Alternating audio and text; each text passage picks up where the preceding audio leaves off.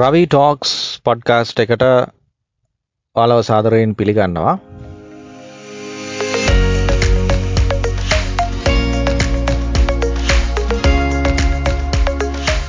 තවත් එපිසෝඩ් එකක් අපි අද අහමු අපි විඳිමු අපි දැනුවත්වමු අපි අපි ගැන අදත් මේ එපිසෝඩ් එකේදී කතා කරමු හිතමු.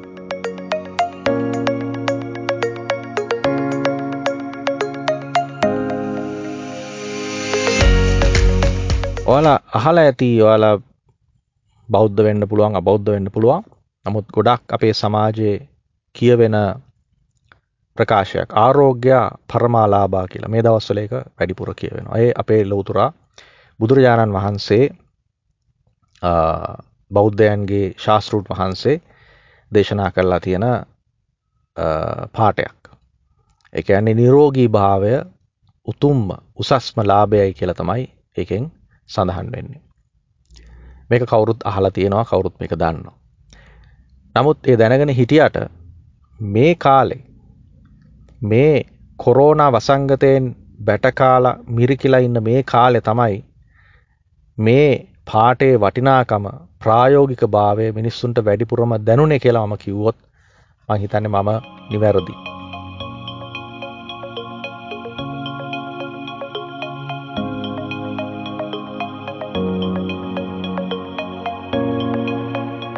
නිරෝගී භාවය නැතිනම් මේ වගේ කාලෙකදී මොන සම්පත් මොන ධනය මොන වස්තුව තිබ්බත් කොයි කෙනා අඳුරැව්වත් කොයි සම්බන්ධතා තිබ්බත් තමන් මේ සමාජයේ කවුරු වුණත් නිරෝගී භාවය නැත්නම් තව ඉදිරියට කියනවා නම් තමන් කවුරු වුණත් කොච්චර බලපුලුවන් කාරයෙක් වුණත් කොරෝනා නැත්නම් මේ කොවිඩ් වසංගතයට අහු වුණොත් අපි අපි ඒ හැම සම්බන්ධතාවයක්ම පරයා අපිට වටින වැදගත් වෙන්නේ අපේ නිරෝගී භාවය යළි ලබා ගැනීම. මේකේ කතා දෙකක් නැහැ. ඉතින් කොච්චර සල්ලි තිබ්බත් කොච්චර ධනවත් වුණත් කොච්චර බලපුලුවන්කාරයෙක් වුණත් කොයි රටේ හිටියත් මේකට කරන්න පුළුවන් ප්‍රතිකාර සීමා සහිතයි. ඒ නිසා තමන්ගේ ලැබීම අනුව තමන්ගේ කර්ම ශක්තිය අනුව එහෙම නැත්නම් තමන්ට තව ඉදිරියට අපි කියන්නේ අර අපිට වෙන්න තියෙන දේ අනුව අපි කොච්චර පරිස්සම් වුණත් අපිට වෙන්නේ මොකක්ද කියන එක තීරණය වෙන තත්ත්වයක් අද අපිට පේන්න තියෙනවා ලෝකේ පුරා. ඉතින් ඒ වගේ තත්ත්වයකදී මේ ආරෝග්‍ය පරමාලාභා කියන දේ අපිට වැඩිපුර දැනෙනවා. ඉතින් මම මේ රවි ටොක්ස් පොඩ්කාස්ට් එක අහන නොඅහන හැමෝටම මේ වෙලාවෙත් හැම වෙලාවකම නිරෝගීකම ප්‍රාර්ථනා කරනවා මේ වසංගතයෙන් මිදිලා ඉන්න ප්‍රාර්ථනා පුළුවන් වෙන්න කියලා ප්‍රාර්ථනා කරනවා. ඒ වගේම මේ කාලේ අපි වැඩි කතා වෙන්නේ නැති තව දෙයක් තියෙනවා. මොකක්ද අපි ඔක්කොම කතා වෙන්නේ කොරෝනා උදරෙන් බේරෙමු. අපි වැළකීලායිමු කියලා. නමුත් අපි හිතන්න ඕනේ තව දෙයක් තියෙනවා. මේ කාලේ මේ ඉස්පිරිතාලවල් මේ අපේ රෝහල් පද්ධතිය කොරෝනා රෝගීන්ගෙන් සන්තෘප්ත වෙමින් පවතින පිරමින් පවතින මේ කාලේ අපිට වෙනයම් රෝගයක් හැදිලා හරි රෝහල් ගත වෙන්න වුණොත් අපිට අත්වෙන්න තියෙන අවදානම අපි මූුණ දෙන්න තියෙන අවදානම ගොඩක් වැඩි වෙලා තියෙනවා කියන එක අපි හිතන්න ඕනේ. ඒක අපි වැඩිය මේ දවස්වල කල්පනා වෙන්නේ. මේ දවස්වල ඩෙන්ගු හැදෙන්න පුළුවන්. මේ දවස්වල හෘද රෝගයක් හරි නැත්නම් වෙන යම් රෝගයක් හරි හැදිලා වැළඳිලා අපිට රෝහල් ගත වෙන්න වුණොත් ඒ රෝහලේ සිදුවෙන ප්‍රතිකාරවලදී අපිට අපි ලක් අපිව ලක් කරන යම් යම් පරීක්ෂණවලදී අපිට අමතර අවදානමකට ලක් වෙන්න වෙනවා. ඒ නිසා සියලු ආකාරයේ රෝගයන්ගෙන් මිදී මේ කාලේ ඉන්න පුළුවන් නම් ඒක තමයි මම හිතන්නේ වටිනාම දේ. ඒ හින්දා මම ප්‍රාර්ථනා කරනවා නැවතත් ඔයාලට හැමෝටම අපි හැමෝටම මේ ලෝකේ හැමෝටම මේ නිරෝගී භාවය කියන සම්පත ලැබේවා කියලා නොඅඩුව.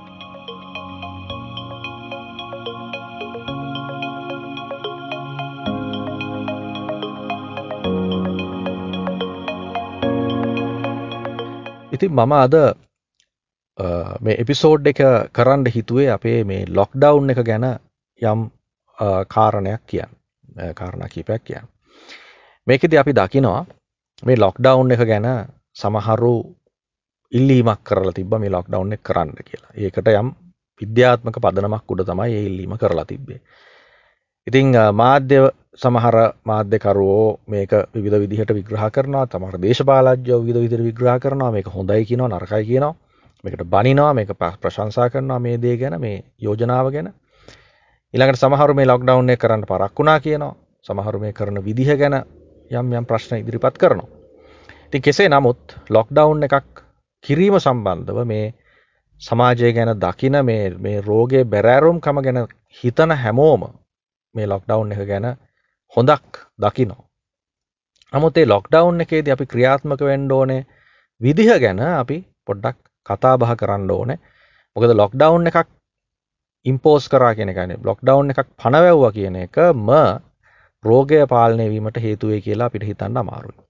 කද ලොක්ඩවුන් එක ක්‍රියාත්මක කරන්න ඕනේ නීති අංශ වගේම ඒක ක්‍රියාත්මක වෙන්ඩ එකන ස්වයං පාලනයක් කරගෙන තමනුත් ඒකට අනුගත වෙන්න ඕනේ ජනතාව. ලොක්ඩවුන් එක කරලා තියෙද්දි හොරෙන් අත්‍යවශ්‍ය නොවන ගමන් බිමන් යනවනං ව්‍යාජ ලියකිවිලි පෙන්නලා එහෙට මෙහෙට සංචරණය වෙනවනං හොරෙන් එහෙට මෙහෙට යනවනං ඒක ඒ ලොක්ඩවුන් එක සම්පූර්ණ ප්‍රයත්නයම ඒ කැප කිරීමම අපතයෑමක් වෙනවා. කීප දෙනෙක්ගේ මේ වගේ හොරෙන් මේක මේ කඩ කිරීමක් සිදුවුණොත් ඒ හින්දා අපි හැමෝම උත්සාහ කරන්න ඕනේ. එළඟට අපි දන්න කියන මේක මේ කඩ කරන ඉන්නවනම් අපේ සමීප කට්ටිය අපි ඒ කට්ටියටත් කියලා මේක සමාජයක් විදිහට එක රටක් විදිහට එකතු වෙලා මේ ලොක්ඩවුන් එකේදී මේ මේ මේ මේ නිර්ණායක මේ ගයිඩ්ලයින්ස් හරියට ක්‍රියාත්මක කරන්න අපි උත්සාහ කරන්න ඕන එක වැදගත් දෙයක්. ඊළඟට අපි දකිනවා මේ මිනිස්සුන්ට අවශ්‍යතාවයන් තියෙනවා. මිලදී ගැනීමට බඩු මිලදී ගැනීමට ආහාරද්‍රව්‍ය සහ නොයකුත් අත්‍යවශ්‍යදේ මිලදී ගැනීමට අවශ්‍යතාවයන් තියෙනවා. ඉතින් ඒවා සපුරාලීමට මේ ව්‍යාපාරික ප්‍රජාව සහ රජය මැදි එකතු වෙලා යම් ක්‍රමවත් වැඩපිළිවෙලක් මේ කාලේ ක්‍රියාත්මක කරොත් හොඳයි කියලා හිතෙනවා. මොකද අපි දකිනවා ගිය සැරවල් වල ගිය වාරවල් වල වගේ නෙවෙයි මේ මේ සැරේ අපිට දකින්න නෑ සමහර වෙලාවට මේ පාරේ අපේ ග්‍රාමීය මට්ටමෙන් අත්‍යවශ්‍ය බඩු ප්‍රවාහනය කරලා අර මේ වෙළඳාමක් කරන උදවිය අපිට දකින්න නෑ. ඉතින් ඒක යම් ආදායම් මාර්ගයක් වෙනවා මේ මේ දවසල ආදාය මඩු වෙලා ඉන්න පීඩනයට පත්වෙලා ඉන්න මිනිස්සුන්ට ඒවගේම මිනිස්සුන්ට සාමාන්‍ය ජනතාවට බඩු බිලදී ගැනීමට ලොකු උදව්වක් වෙනවා රුකුහල් මේ රුකුලක් වෙනවා මේ ජීවිතයේ ගෙනියන්න මේ දවස් ටිකේ.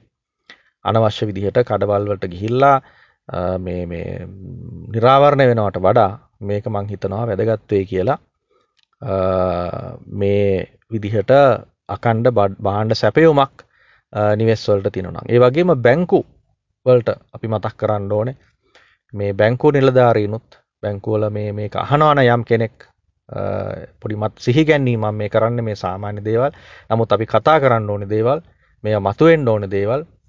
බැංකුවලට අනවශ්‍ය විදිහට මිනිස්සු එන්ඩ වෙන එක වලක්ව ගන්න. එකන අපි දකිනවා සමහරලාට ඔන්ලයින් බෑංකින් සර්විස ක්ටිවේට කරගන්න අපි බැංකෝට යන්න ඕන. තින් ඒක ඇත්තරමනම් මේ වගේ තාක්ෂණය දියුණුව පවතින කාලෙක බොහොම ප්‍රාථමික වැඩ වැඩක් නැති දෙයක් විදිර ම දකිනවා. වේස්ට එකක් විදිහට. මොකද ඔන්ලයින් ක්ටිවේට කරන ඔන්ලයින් බෑන්කින් මාර්ගයෙන් මේ ගෙවීම ආදී සියලු දේවල් කරගන්න පුළුවන්න ඒක බැංකුවෙන් පහසුකමක් සපයන්ඩ ඕනේ. බැංකෝට ඒකටත් එන්නතු එක ඔන්ලයින් ක්‍රමයකට යම් ක්‍රමයක් ක්‍රමේදයක් ඕන තරම් මේ ඇප්ස් තියන ෆෝන්ස් තියන ෆොටෝස් ගන්න පුළුවන් වීඩියෝ කරන්න පුළුවන් මේ වීඩියෝ කෝල් ගන්න පුළුවන්. යම් ක්‍රමයකට මේක මිනිස්සුන්ට ගෙදරඉදලා මේ කරගන්න. විශේෂ අපේ වැඩිහිටි උදවිය වැඩිහිටි කාණ්ඩය අවුරුදු හැට වැඩි පිරිස ලොකු අවධානමක් මෑලට තියෙනවා මේ වසංගතය සම්බන්ධ ඉතින් එයාලා තමන්ගේ බැංකු කටයුතු මේ වෙනකළුත් මංහිතන බහුතරයක් මේ වැඩිහිටි පිරිස මේ ඔන්ලයින් ක්‍රමයට අනුගත වෙලා නෑ ඉතින් ඒකට්ටිය ආපහු බැංකුවට ගෙන්න්න ගන්න ඇතුව ඔන්ලයින් මාර්ගයෙන් මේ බෑංකින් කටයුතු කරගණ්ඩ යොදවන්න පුළුවන්නම් බොහොම වටිනෝ. ඒ වගේම තව අපි දකිනවා මේ මේ දවස්වල මේ පෞද්ගලික වෛද්‍ය ආයතන පවත්වගෙන යන වෛද්‍යවරු ඒවා ඇත්තටම නම් 100ට 100ක් අපි මේ තැන්වලට ගියාම දකිනවා මේ 100ට 100ක් මේ සෞඛ්‍ය මාර්ගෝපදේශවලට අනුව මේ දේවල් කරන්න බෑ. මොකද ඒ ඒ ඒ ඒ ලෙඩුන් රෝගීන් සහ එන රෝගීන් අතර ඒ වගේම රෝගියා සහ වෛද්‍යවරයා අතර පරතරය මේ සේෆ්ලි මේ පවත්වාගෙන මේවා කරගෙන යන එක අමාරුයි. ඉතින් ඒක මීට වඩා ක්‍රමවත් විදිහට එක්කෝ මේ දවස්වල මේ පෞද්ගලික වෛද්‍ය ආයතන නොපවත්වා මොකද මේ තැන්වල මිනිස්සු එකතු වෙනවා. මිනිස්සු ගිහිල්ලා සාමාන්‍ය රෝග ලක්ෂණ වල බෙහෙත් අරගෙන සමහරලාට කොරෝනා ආසාදිතය වෙන්න පුළුවන්. ඒ වෛද්‍යවරයාට මුණ බලලා කියන්න බෑනේ. ඔක්කොටම PCR කරන්න කියන්න බෑ. ඉතින් මේකේ යම් ක්‍රමවේදයක් තියෙනවා. තියෙන්න ඕනේ. මේ කට්ටිය මේ රෝගීන් හැම කොහම අනිවාර්යෙන් රජය රජයේ වෛද්‍යවරු හරහා මේ මේ මොකක් හරි ප්‍රොපර් හරි විදිහට මේ නිර්ණායකවලට අනුව මෙයාලා බලන ක්‍රමයක්. ඊළඟට අපි අපිට අහන්න ලැබෙනවා කොරෝනා රෝගීන් නිවෙස්වල ඉන්නකොට ඒ කට්ටිය බලන ක්‍රමේ කවුද බලන්නේ? ඊළඟට මේ PHI කෙනෙකුට ගිහිල්ලා පුළුවන්ද මේ මේ රෝගියෙක්ගේ තත්ත්වය බලලා මේ මේ තීරණයක් ගන්න එහෙමනම් කොහොමද වෛද්‍යවරු කොච්චර අවශ්‍ය වෙනවද මේ ෆීල්ඩ් එකේ වැඩවලට. අතරවන අපි දැන් දකිනවා මෙච්චර කල් අපිට මේ වෛද්‍ය ක්ෂේත්‍රයේ අපිට දකින්න තිබ්බේ නෑනේ ෆීල්ඩ් එකේ වැඩ. නමුත් දැන් අපිට පේනවා ෆීල්ඩ් එකේ වැඩ කරන අවශ්‍යතාවයක් ඇවිල්ලා තිනවා. මිනිස්සු ඉන්න තැන්වලට ගිහිල්ලා වෛද්‍ය කණ්ඩායම් සමග මේ නර්ස් කෙනෙක් හරි නැත්තං මයින ස්ටාෆ් මේ සුළු සේවක පිරිස් හරි රසායනගල් ධාරීන් හරි කවුරු හෝ ඒ කණ්ඩායමක් ගිහිල්ලා මේක මේක තියෙනවා ඇති නමුත් මේක රට පුරා විහිදී යන ක්‍රමයක් ජාලයක් විදිහට මේක සංවිධානය කරන එක මට හිතෙනවා හොඳයි කියලා. මිනිස්සු තැන් තැන් වලට එකතු කරනවට වඩා මම මේ ඊයේ පෙරේද වෙනකල්ම මේ ලොක්ඩවුන් වෙනකල්ම අපි දැක්ක ඉස්පිරිතාලවල ක්ලිනික් වල රෙඩ් ලෙඩ්ඩු එකතු වෙන විදිහ මිනිස්සුන්ට අපේ මිනිස්සුන්ට මම දකිනවා අර ප්‍රශ්නයක් ඇති වුණහම ඒ කට්ටිය ක්‍රියා කරන විදිහ අර තමන්ගේ අර පරිස්සම් වෙන්න ඕනේ තමයි එකතු වෙන්න හොඳ නෑ මීටරේ පරතරේ ඔක්කොම අමතක වෙන ප්‍රශ්නයක් ආපුවම ක්ලිනික් උදාහරණ ක්ලිනික් එකට ඇවිල්ලා බෙහෙත් ගන්න ආපුවම කට්ටිය එකතු වුණාම ඒ සියලු දේවල් අමතක වෙනවා. ඒක අපේ දකින්න තියෙන දෙයක්. ඉතින් ඒක දැනගෙන ඒක අපි මිනිස්සුන්ට බැන බැනින් නැතුව ඒ අදා නිලධාරීන් අදා අමාත්‍යංශ වලට පුළුවන්නම් මේ මිනිස්සු එකතු වෙන එක වලක්වන්න එකට්ටියගේ මේ මොබයිල් සර්විස් එකක් විදිහට මේ ෆිල්ඩ් වර්ක් එකක් විදිහට වෛද්‍ය කණ්ඩායම යොදවන්න සෙසු රූටීන් වැඩ කියලා අපි කියනවා ඉදිනදා කරන වෛද්‍ය වැඩ පොඩක් අඩු කරලා ඒ වෛද්‍ය කණ්ඩායම් මොබිලයිස් කරන්න පුළුවන්නම් අර වගේ ෆිල්ඩ් එක වැඩවලට එක ගොඩක් වටිනවා. ඉති මං මේ මේ පොඩ්ගාස්ට එකින් මේ කියන දේවල් ඇතරමනක් නොවැදගත් කියලා හිතන්න පුළුවන් ජාතික මට්ටමේ. නමුත් මේ වගේ කතිකාවතක් මිනිස්සු අතර ඇති වෙලා මේක මොකද මේක දැන් මේ රජයකට අමාත්‍යංශයකට ඇමති කෙනෙකුට වෛද්‍යවරයෙකුට බාර දීලා තියන්න පුළුවන් බැරි තත්ත්වයක් අද තියෙන්නේ. අපි හැමෝම මේ ගැන අවධානයෙන් ඉන්න ඕනේ, හිතන්න ඕනේ, කතා කරන්න ඕනේ, අපේ යෝජනා ඉදිරිපත් කරන්න ඕනේ. මොකද මම සමහරවිට මෙතන කියන මේ අදහසක් තව කෙනෙකුට ඇති නොවෙන්න පුළුවන්. තව මේ පොහොම පහළ මට්ටමේ ඉන්න කෙනෙක් සමාජයේ ඉදිරිපත් කරන අදහසක් ඇමති කෙනෙකුට ඇති නොවෙන්න පුළුවන්. ඉතින් ඒ හැම අදහසක්ම වැදගත් වෙනවා. මොකද වටින්නේ ජීවිත රැක ගැනීම සහ මේ වෝදුර පැරදීම. ඉතින් ඒක අපි හැමෝගෙම අදහස් මෙතන වැදගත් වෙනවා.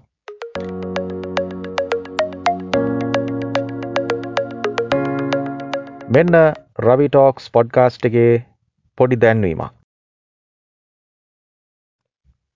මාලු මාලු මාලු ලාබයි ගණ්ඩ මාලු මේ රවිටෝක්ස් පොඩ්කාස්ට් එකේ මාලු ඉකරුණ හැම නෙවෙයි. මාලු අපි ගන්නවාන මේ දවස්වල. කට්ටිය මාලු සුද්ධ කරලා හෙම ගණ්ඩ උත්සාහ කරනවා. නමුත් මාලු මේ දවස්වල අපේ මුදලාට කියලා අපේ අපේ සාමාන්‍ය භාෂාවෙන් කෙනකට මාළු කාරය කරන අපි කියන්නේ. මාළු මුදලාලට කියලා මාළු සුද්ධ කල්ල ගන්න එක නං මේ දවස්සල ටිකක් භයානකයි නේද? අපි ඒක හිතන්ඩ ඕන. අපි කම්මැලි කරන්න නැතුව මාළු ටික අපිම කියලා සුද්ධ කරගත්තනම් වඩාත් හොඳයි කියලා හිතෙනවා. මොකද පහුගේ කාලේ අපිට මතකයිනේ. මාළු මාකට් එකේ පොකුරක් පොකුරුත් බෝවනානේ මාළු පොකුරුත් තිබ්බන කොරෝනවල ඒ නිසා මට මේක මතක් වුණේ අපි මේ මාළු ගන්න තැනක වෙනදා ඉස්සරනගේ මනුස්සය බොම සුද්ද කරලා අපිට දෙනවා. නමුත් දැන් මාළු සුද්ධ කරන්න ඇතුව ගණ්ඩ තිය මේ විකුණන්ඩ තියෙන්නේ කියලා පොලිසියෙන් එහෙම අන කරලා තියෙනවා කියලා එයා කියනවා. ඉතින් එහෙම පාලනයක් නැති තැන්වල සමහරට තාමත් මාළු සුද්ධ කරලා ගණ්ඩ යොමු වෙනවා ඇති අපේ ගෘහණියන් ඉතින් එහෙම නොකර මාළු ඇරගෙන ගිහිල්ලා තමන්ම සුද්ධ කරලා ගන්න එක වඩාත් නුවනට හුරුයි කියලා මතක් කරන්නයි මේ පණිවිඩ දෙන්නේ.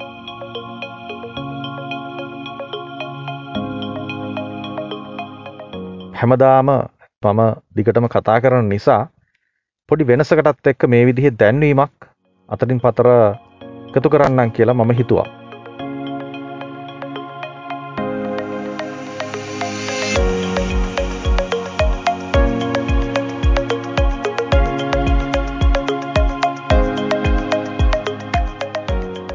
තව දෙයක් තමයි මට කල්පනාවුණු දෙයක් මේ අද කතා වෙනවා මේ ආර්ථික ප්‍රශ්න අපේ සාමාන්‍ය ජනතාවට තියෙන ආර්ථික ප්‍රශ්න ආර්ථිකයේ කඩාවැටීමක් තියෙනවා කියලා මේ සාමාන්‍ය ජනතාවගේ මට්ටමේ මම දන්නේ ජාතික මට්ටමේ ආර්ථිකය ගැන මම කතා කරන්න දන්නේ නැහැ. නමුත් මිනිස්සුන්ට එදිනදා Tamanගේ ජීවිත ජීවන වියදම ගැට ගහ ගන්න යම් උපකාරයක් කරන්න අවශ්‍යයි කියලා රජයෙන් යෝජනා වෙනවා. ඒකට මේ රාජ්‍ය සේවකයන්ගෙන් සහ පෞද්ගලිකාංශ සේවකයන්ගෙන් ව්‍යාපාරිකයන්ගෙන් අරමුදලකට සල්ලි එකතු කරලා යමක් කරන්න ඕන කියලා කතා වෙනවා. මේ සම්බන්ධවත් නොයෙකුත් යෝජනා චෝදනා තියෙනවා. මේක හොඳ නරක කියනවා. සමහරු මේකෙන් අවිශ්වාසයක් පළ කරනවා. මොකද ඇත්තටම නම් ඕනෑම තැනක නිකන් ගමේ මරණාධාර සමිතිය වෙන්න පුළුවන් නැත්තම් පොඩි මේ සාමාන්‍ය සමිතියක වෙන්න පුළුවන් අරමුදලක් කියපු ගම මිනිස්සු බයයි සැකෙන් බලන්නේ මිනිස්සුන්ට අවිශ්වාසය එනවා. මේ මේ මේක හරියට මේ විනිධ භාවයකින් කෙරේද මේ මේ එකතු වෙන මුදල් නොයකුත් අයතා විදිහට පිදිල යයිද කියලා හිතනවා. අත්‍යවශ්‍ය මිනිස්සුන්ට මේවා ලැබේද කියලා හිතනවා. ඉතින් එහෙම එක්කුත් තියෙනවා ඊළඟට අපිට මතකයි ඔය ජනසවිය වගේ වැඩවල්දි අපි දැක්ක ගමේ ඇතුළේ මේක රාජ්‍ය මට්ටමින් ඉහලින් බොහොම සත්භාවයෙන් කරනවා කරන්න හදනවා වෙන්න පුළුවන්. නමුත් මිනිස්සු තොරතුරු ලබා දෙන විදිහ සමහර වෙලාවට මේ මේ මේ මුල් මට්ටමේදී වැරදි තොරතුරු දෙන්න පුළුවන් මිනිස්සුන්ට. ව්‍යාජ තොරතුරු දෙන්න පුළුවන්. ඒකලා මේකට ඇත්තටම හිමිකමක් නැති කෙනෙක් මේ ප්‍රතිලාභ ලබන්න පුළුවන්. සමහරවිට හිමිකම ඇත්තටම තියෙන මේකට ලැබෙන්න ඕන පිරිස් මගෑරෙන්න පුළුවන්. එහෙම වෙලා තියෙනවා. අපි දැකලා තියෙනවා. ඉතින් මේ වගේදිත් ඒ වගේ දෙයක් වෙන්න පුළුවන්. අරමුදල එකතු වෙනවා මිනිස්සු කැපකිරීම කරනවා. නමුත් මේක බෙදී යෑමේදී යම් යම් අපේ මිනිස්සුන්ගේ පැත්තෙන් ඉදිරිපත් කරන තොරතුරු ප්‍රශ්න නිසා හරි නැත්නම් අකාර්යක්ෂමතාවයක් වෙන්න පුළුවන් මොකද මේ වගේ කාලෙකදී මිනිස්සු ඔක්කොම තමන්ගේ ජීවිතය ගැන බලන්නේ රාජකාරියට වඩා ජීවිතේ මිනිස්සුන්ට වැදගත් වෙනවා. ඉතින් ඒ වගේ දෙයකදී මොකක් හරි අතපසුවීමක් වෙලා ප්‍රශ්නයක් වෙන්න පුළුවන්. ඒ නිසා සහ මේ යම් ක්‍රමවේදයක් මේ ගමේ එදිනෙදා වේල හම්බ කරගෙන කන මිනිස්සුන්ට ආර්ථික ප්‍රතිලාභයක් ලබලා දෙන්න ක්‍රියාත්මක වෙන මේ වැඩපිළිවෙල දැම්ම ක්‍රියාත්මක නොවෙන්න පුළුවන්. මේක තව කාලයක් යන්න පුළුවන්. එක පාර්ට මේවා කරන්න බෑනේ. සංවිධානය වෙන්න ඕනේ. මේක ලොකු දෙයක් තියෙනවා. ජාතික මට්ටමේ මෙහෙම දෙයක් කරනකොට. ඉතින් ඒකට යම් කාලයක් ගත වෙන්න පුළුවන්. ඉතින් එතකල් අපිට පුළුවන් නේද? මට නිකන් හිතුණු මට හැඟුණු දෙයක්. අපේ සෞඛ්‍ය මාර්ගෝපදේශවලට පටහෙන නොවන විදිහට අපේ කුඩා ගම් තියෙනවා. එක ග්‍රාමසයක වසමක් ගත්තොත් ගම් කීපයක් තියෙනවා එතකොට මේ කුඩා ගමේ මේ පොඩි ඒකකේ තියෙන මිනිස්සුන්ගේ තියෙන අවශ්‍යතාවයන් මොනවද? ඇත්තටම දුගී දුප්පත් මනුස්සයා කවුද? අවශ්‍යතාවයන් තියෙන කෙනා කවුද? ඇති කෙනා කවුද? නැති කෙනා කවුද කියලා ගමේ අපි දන්නවා. ඉතින් අපිට පුළුවන් නේද මේ ඇති හැකි පිරිස් එකතු වෙලා පොඩි මේ අරමුදලක් විදිහට හරි නැත්තම් මේ කට්ටිය එකතු වෙලා මේ නැති බැරි මිනිස්සු අඳුනාගෙන අපි දන්නවනේ යාලා විශේෂයෙන් ආයේ ජාතික මට්ටමින් අඳුර ගන්න අවශ්‍ය නැහැ. අපි දන්නවා ගමේ එදා වේලා හම්බ කරගන්න ඉන්නේ කවුද? මේ අවශ්‍යතාවයන් තියෙන්නේ කවුද කියලා. එතකොට ඒ කට්ටිය අපිට අඳුරගෙන පුළුවන් නේද එයාලට යම් උදව්වක් සහනයක් උපකාරයක් කරන්න. එතකොට රජයෙන් මේ සියලු දේවල් කරන කල් එකතු කරලා බෙදන කල් බලානින්න අවශ්‍ය නැහැ ඇත්තටම නම්. අපි මේ බොහොම සහෝදරත්වයෙන් ඇත්තටම නම් මේ කාලේ වැඩිපුර අපිට දැනෙන්න ඕනේ. මොකද පොඩි මිනිහයි ලොකු මිනිහයි කියලා වෙනසක් නැහැ. අපි හැමෝම මේකට ගොදුරු වෙලා ඉන්නේ. අපිට ලොකු අවධානමක් මේ හැමෝටම තියෙනවා. ඒ හින්දා අපි හැමෝම අපි අපි ගැන අවබෝධයෙන් හිතලා ඇත්තටම ලොකු පිනකුත් සිද්ධ වෙනවනේ මේකෙන්. ලොකු සමාජ සේවයක්නේ. අපිට පුළුවන් නම් අපේ ගමේ අඳුරගත්ත අපි දන්න මේ දැන් අපි එක පවුලක් හරි දෙකක් හරි අපිට සම්බන්ධ පවුල් වලට උදව් කරනවා වෙන්න පුළුවන්. නමුත් ඒකෙන් අර එක කේන්ද්‍රගත වෙන දෙයක්නේ. ඒක කන්සන්ට්‍රේට් වෙන එක දැනකට. එහෙම නෙවෙයි. මේක විමධ්‍යගත වෙන්න ඕන. එතකොට ඒකෙදි සාමාන්‍ය මේ අපි ගමේ දන්න කියන මිනිස්සු අතරේ ඉන්න අවශ්‍යතාවයන් තියෙන අය තෝරගෙන එයාලට ගමේ යමක් කරගන්න පුළුවන් පිරිස් විදිහට අපි සංවිධානය වෙලා ඒ මිනිස්සුන්ට යම් උදව්වක් කරන්න බැරි කමක් නැහැ. ඒක ලොකු දෙයක් වෙනවා. මොකද ඒක එතකොට නිවැරදි අවශ්‍යතාවයන් තියෙන පිරිස් වලට මේ මුදල ලැබෙන්න පුළුවන්. මොකද රාජ්‍ය මට්ටමින් බලනකොට යම් රැකියාවක් තියෙන පුද්ගලයෙක් වෙන්න පුළුවන්. නමුත් එයාගේ මේ කාලේ යම් අසනීප තත්ත්වයක් වෙන්න පුළුවන් ගෙදර කඩා වැටලා වෙන්න පුළුවන් මොකක් හරි ප්‍රශ්නයක් නිසා වියදම් වැඩි වෙලා වෙන්න පුළුවන් ඒ මනුස්සයා ඒතර අසරණ නැතර එයා ඒ අසරණ භාවය අර රාජ්‍ය මට්ටමේ බලනකොට ඒ රුපියල් 5000 හරි 10000 හරි යම් ප්‍රමාණය දෙන එකට එයාලා අහුවෙන්නේ නැති වෙන්න පුළුවන්. නමුත් ඒ සියලු දේවල් අහු වෙනවා කව වෙනවා මේ ගම ග්‍රාමීය මට්ටමෙන් කුඩා ගමේ අපි පිරිස එකතු වෙලා මේ ගැන කතා කරනවා නම් දැන් ඔක්කොටම එක රැස් වෙන්න අවශ්‍ය නැහැ. ඉන්ටර්නෙට් මාර්ගයෙන් කෝල් එකක් අපි Zoom මීටිං එකක් තියන්න පුළුවන්. මේ ඔක්කොම ටිකක් ක්‍රමයකට අපි සංවිධානය වෙන්න ඕනේ දැන්. ඔන්ලයින් ක්‍රමයකට අපි පොඩි කමිටි එකක් හදාගන්න පුළුවන් ගමේ පිරිස එකතු වෙලා. ඒකල කතා වෙන්න පුළුවන්, තොරතුරු ගන්න පුළුවන්. එතකොට මේ මේ ඒ අර දුගී දුප්පත් මනුස්සයර ඉන්ටර්නෙට් අවශ්‍ය නැහැ. නමුත් ඒ අහල පහල ඉන්න මිනිස්සු ඕන තරම් තියෙනවා මේ මේ මේ අපේ මේ තරුණ ළමයි ළඟ ඕන තරම් අද ෆෝන්ස් තියෙනවා. ඕවගේ නිකාන් කොට කොට ඉන්න වෙලාවේ මේ කාලේ ඕවා පොඩ්ඩක් ළමයි නවත්තලා මේ ජාතික කර්තව්‍යයට එකතු වෙන්න බලන්න. එතකොට මේ ගමේ සංවිධානය කරගන්න ඔන්ලයින් මේ මේ Zoom මාර්ගයෙන් යම් මේ මේ සමිතියක් ඒකෙන් තොරතුරු සත්‍ය තොරතුරු මේ ලබා ගන්න. එතකොට ඒකෙදි ඔයාලා තීරණය කරන්න කවුද මේ අපි උදව් කරන්න ඕනේ කියලා යම් ක්‍රමයකට මේ PHI මහත්තයාට හරි ග්‍රාම නිලධාරී මහත්තයාට හරි කියලා ආයතා විදිහට නොවෙන්න එයාලත් දැනුවත් කරලා මෙන්න මේ පිරිසට අපි මේ වගේ මුදලක් දෙනවා. මේ වගේ උපකාරයක් කරනවා කියලා ඒ විදිහට උදව් කරන්න බලන්න. මේ තාක්ෂණය මේ කාලෙදී හරි විදිහට යොදා ගන්නවා නම් ඒකත් අපේ මේ කොරෝනා සටනට වැදගත් වෙනවා. ඉතින් ලොක්ඩවුන් එකක් ඉල්ලපු එක සාධාරණයි මම හිතන්නේ. ලොක්ඩවුන් එකක් දාපු එකත් රජයේ විදිහට සාධාරණයි. ඒකේ කාලය දාපු අවස්ථාව ගැන යම් ප්‍රශ්නයක් තියෙනවා. නමුත් දැනට ඒක දාලා තියෙනවා. ඒක ඉතාමත්ම හොඳයි.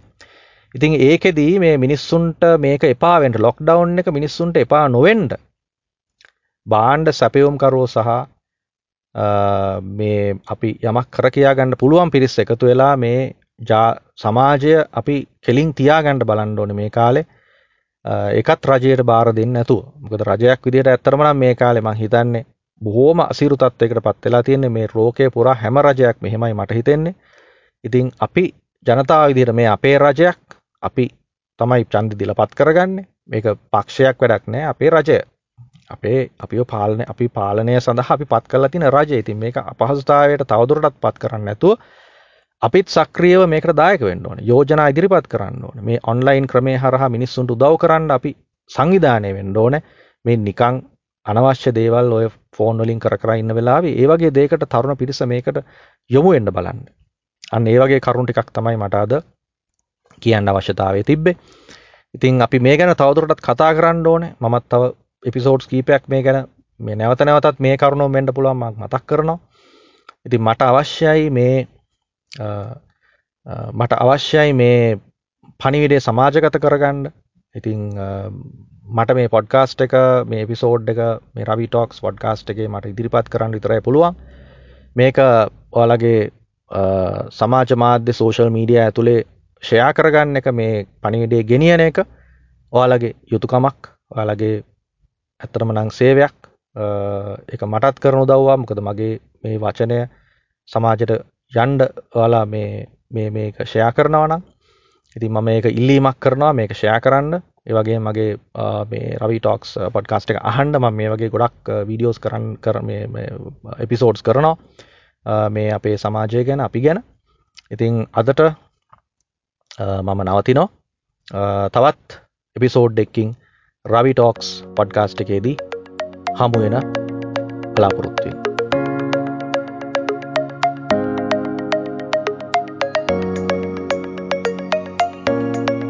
හැමෝම පරස්සමින් ඉන්ඩ නිරෝගී භාවය උසස්මදේ ඉදියට සල කලා නිරෝගීව ඉන්ඩ බලන්ඩ එකිනෙකාට උදව් පදව් කරගණ්ඩ හැමෝම රටම ගැන අපි කරුණාවෙන් මෛත්‍රියෙන් හිතමු කියලා මංවාලට ආරාධනා කරනවා.